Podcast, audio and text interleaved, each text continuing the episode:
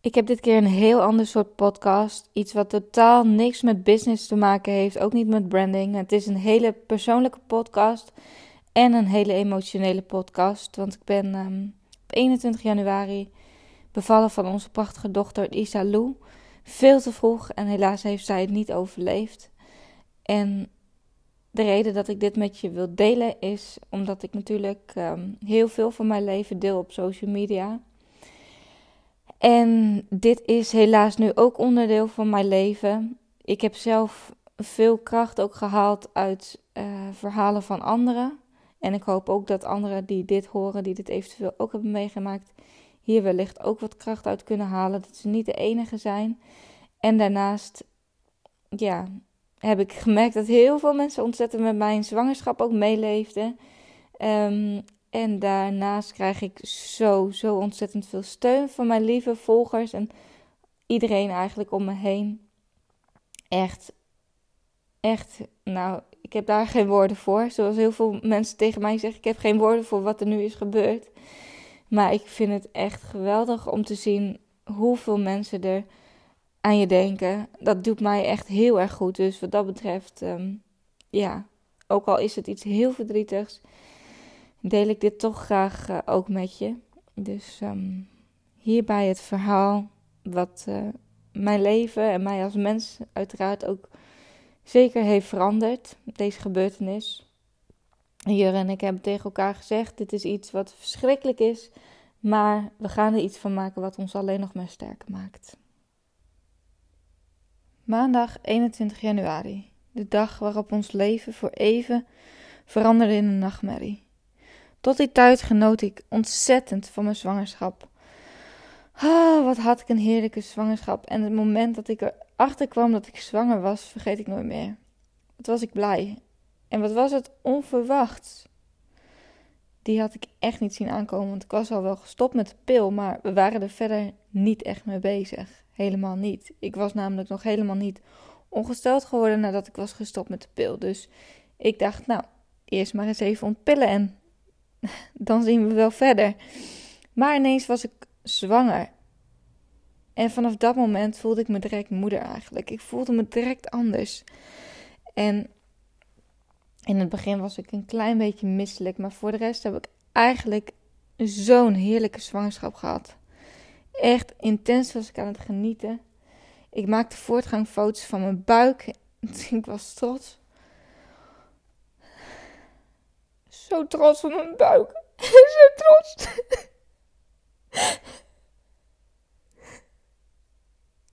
Dat ik moeder mocht worden. Dat jij in mijn buik groeide. En zo blij. Zo blij dat wij ouders werden. En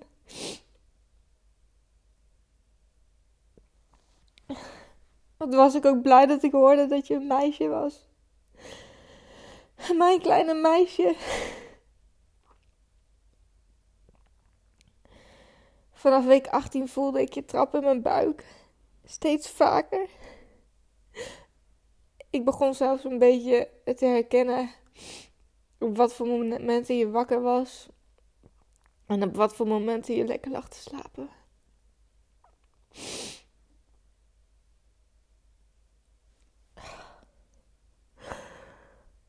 Samen maakten we nog een heerlijke reis. Met z'n drietjes.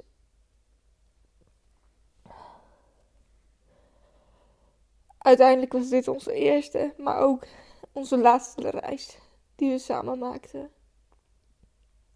Jij zat nogal weliswaar in mijn buik, maar je was erbij. Je hebt die safaris toch maar mooi meegepakt. In Zuid-Afrika. En die lekkere zonnestralen op Mauritius.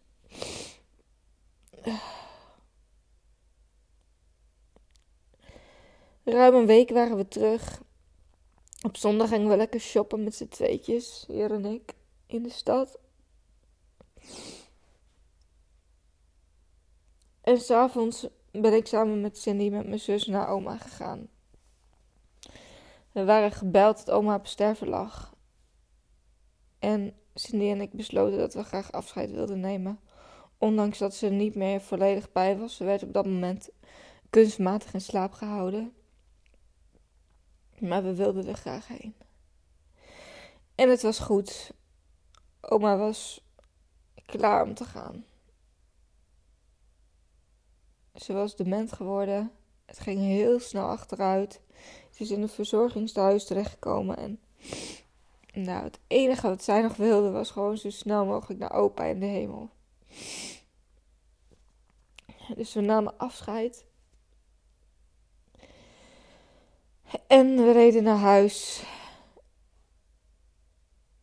En s'avonds in bed kreeg ik opeens een beetje buikpijn. Maar ik maakte me geen zorgen. Ik maakte me überhaupt geen zorgen de hele zwangerschap niet. Want ja, wat kon mij nou misgaan? Ik bedoel, tuurlijk, ik had wel af en toe een beetje spanning voordat we een echo kregen. Dat ik dacht van, oh, als alles maar goed is. Maar ja, toch ging ik er eigenlijk wel vanuit dat alles gewoon steeds goed zou zijn. En dat was ook zo. Alle echo's zagen er perfect uit. Ook de 20 weken echo die natuurlijk helemaal, nou ja, toch wel een beetje spannend is. Dat dat echt de, nou ja, daar gaan ze gewoon zoveel dingen checken en alles zag er gewoon goed uit. En ik lag in bed met buikpijn. Maar ja, ik dacht, uh, zal wel overgaan. Ik ga lekker slapen. Toen om half twee dacht ik, oh my god, ik heb nog steeds zo'n buikpijn. Ik ga naar de wc. Misschien ben ik nu aan de, aan de beurt voor buikgriep. En ik zat tien minuten op de wc. Toen kreeg ik echt de schrik van mijn leven. Ineens een stortvloed aan water. En ik wist het direct. Mijn vliezen zijn gebroken. Dit is geen goed nieuws. Ik begon ook direct daarna te bloeden. En ik, ik schrok natuurlijk, dus ik gilde en Jurk kwam me aan, maar we bleven allebei rustig. Ik heb nog wat opgevangen aan vruchtwater en bloed voor de verloskundige, die we daarna direct belden. En ik, ik dacht op dat moment, dit, uh, dit was het dan. Tenminste, ik dacht niet dat het over zou zijn. Ik dacht,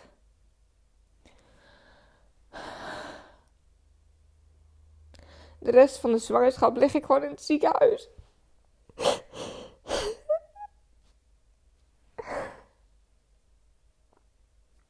Het komt goed. Het komt goed, dacht ik. Ik wist dat je lichaam zelf weer vruchtwater aanmaakt, net als de baby. En ja, ik dacht, fuck it, weet je. We hebben een wintersport gepland staan. Ik heb mijn werk die nog doorloopt, maar het maakt allemaal niet uit. Ik ga gewoon de rest van mijn zwangerschap lig ik gewoon in het ziekenhuis. Zolang ik maar een gezonde baby krijg.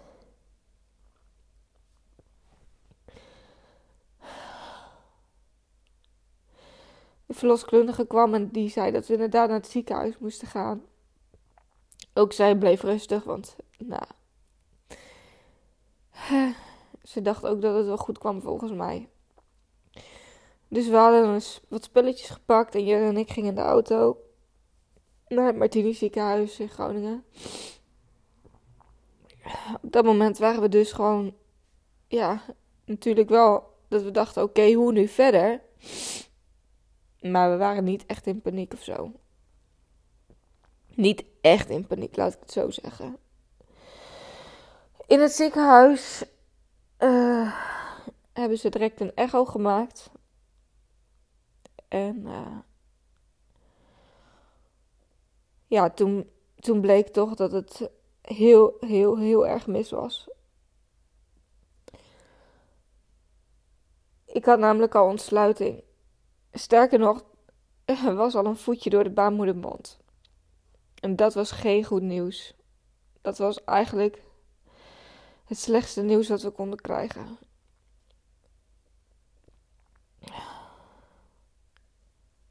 En op dat moment kwamen we echt in een rollercoaster terecht. Want ik, ik kreeg een infuus aangelegd, ik, ik kreeg een weeënremmers, ik ging in de ambulance naar het UMCG en daar werden allemaal onderzoeken op mij uitgevoerd. En nou, om half zes s'nachts of s ochtends zaten we met allemaal artsen, kinderartsen en weet ik veel wie allemaal in de kamer. En toen kregen we te horen dat we eigenlijk twee opties hadden.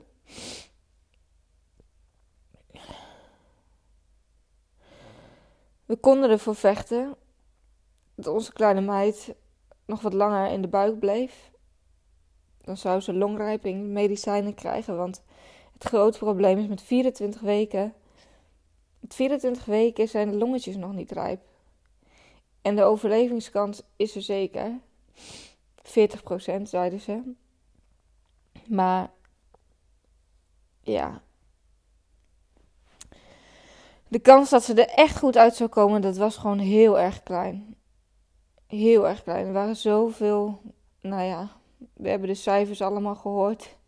Er was zo'n grote kans dat ze gehandicapt zou zijn of dat ze een andere achterstand zou krijgen. Hersenbloedingen, nou, allemaal ellende. Wij gewoon niet aan moeten denken.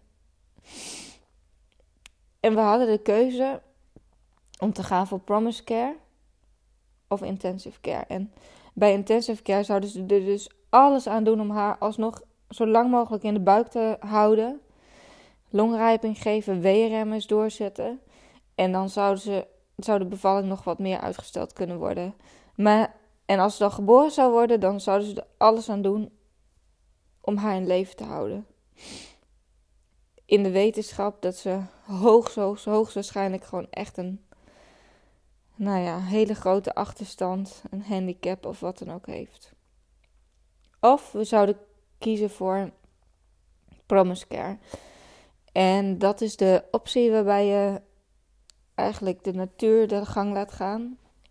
En um, ja, als de baby dan is geboren, dan leggen ze haar in warme, warme dekens. Dan wikkelen ze haar in warme doeken. Ze wordt op je borst gelegd. En dan, ja, is het afwachten hoe lang ze nog leeft. Hier en ik hebben ervoor gekozen om voor Promise Care te gaan.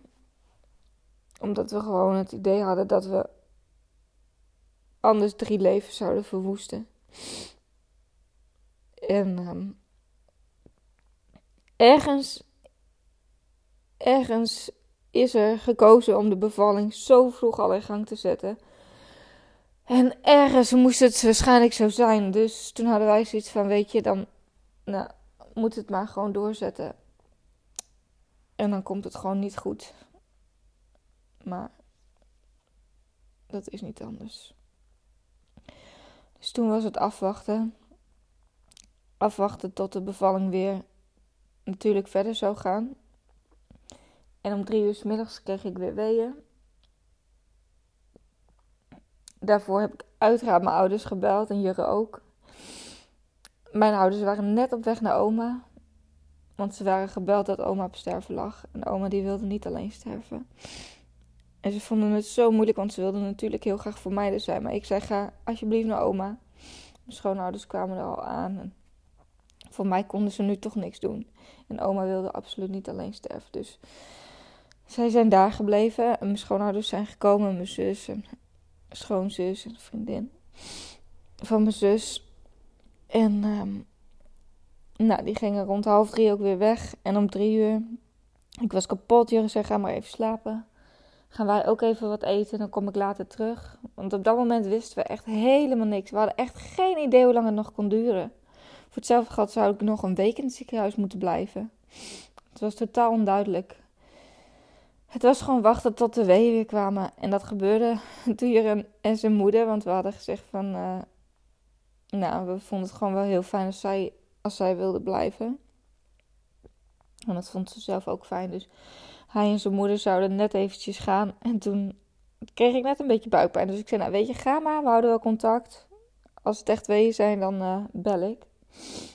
Dus ik begon een beetje te slapen.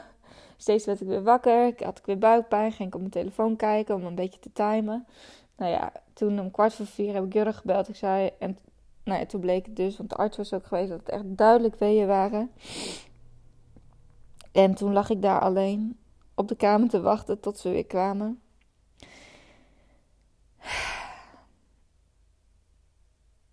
Ja, ik ga alle details besparen, maar het was duidelijk dat de bevalling was begonnen. En uh, gelukkig was Jur op tijd en samen met zijn moeder. En uiteindelijk is onze kleine meid om zes over zes geboren. Op dat moment leefde ze nog.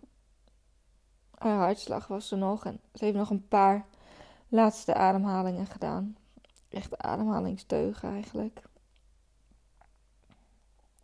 En om uh, 20 over 6 is officieel doodverklaard.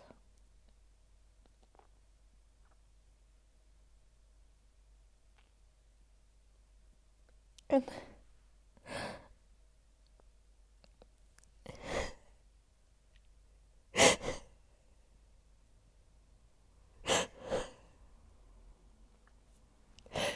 En we waren papa en mama geworden. We zijn gewoon papa en mama, maar het voelt zo leeg.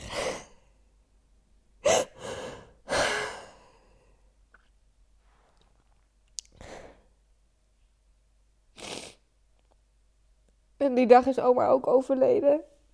En dat is ergens ook wel super mooi. Gewoon om te weten dat Isalou, onze kleine Isalou, veilig en gelukkig is met opa en oma. Dat zij goed voor haar gaan zorgen, dat weet ik zeker.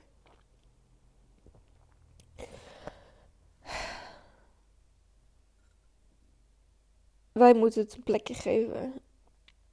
En dat gaat ons ook zeker lukken. Daar zijn we al druk mee bezig. We zijn super sterk samen en ik ben zo, zo gelukkig met Jurre. Echt zo gelukkig. Wij slaan ons hier doorheen en we hebben gelukkig niet alleen elkaar, maar ook zulke lieve vrienden en familie om ons heen. Dus ja, we moeten verder. Maar ja, Isalou blijft altijd in ons hart. Altijd.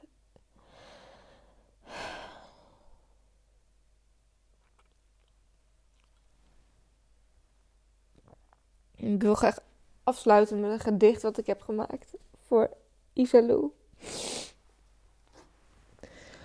Tijdens de crematie heb ik dit gedicht ook voorgedragen.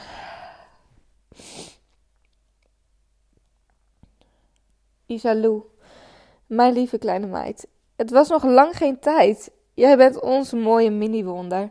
En ik wil helemaal niet meer zonder. Maar het heeft helaas niet zo mogen zijn. Dat doet ons zo ontzettend en intens veel pijn. Voor altijd in ons hart en in onze gedachten. Want dit was echt het laatste wat we verwachten. Ik had zo graag met je geknuffeld en gespeeld. Je verzorgd en met Jurre zoveel liefde met je gedeeld. 24 weken lang heb ik je bij me mogen dragen. En nu zit ik hier met ontelbaar veel vragen. Zou jij net als papa zorgzaam en grappig zijn? Vind je samen kroelen in bed ook zo fijn? Ambitieus, sociaal en misschien wel impulsief. Eén ding is zeker: jij bent ontzettend lief. Steeds weer voelde ik je trappen met die kleine voeten. En nu kan ik je niet eens echt ontmoeten. We gaan het een plekje geven, lieve Isalou. Want we moeten verder met het mooie leven. Ik hou van je.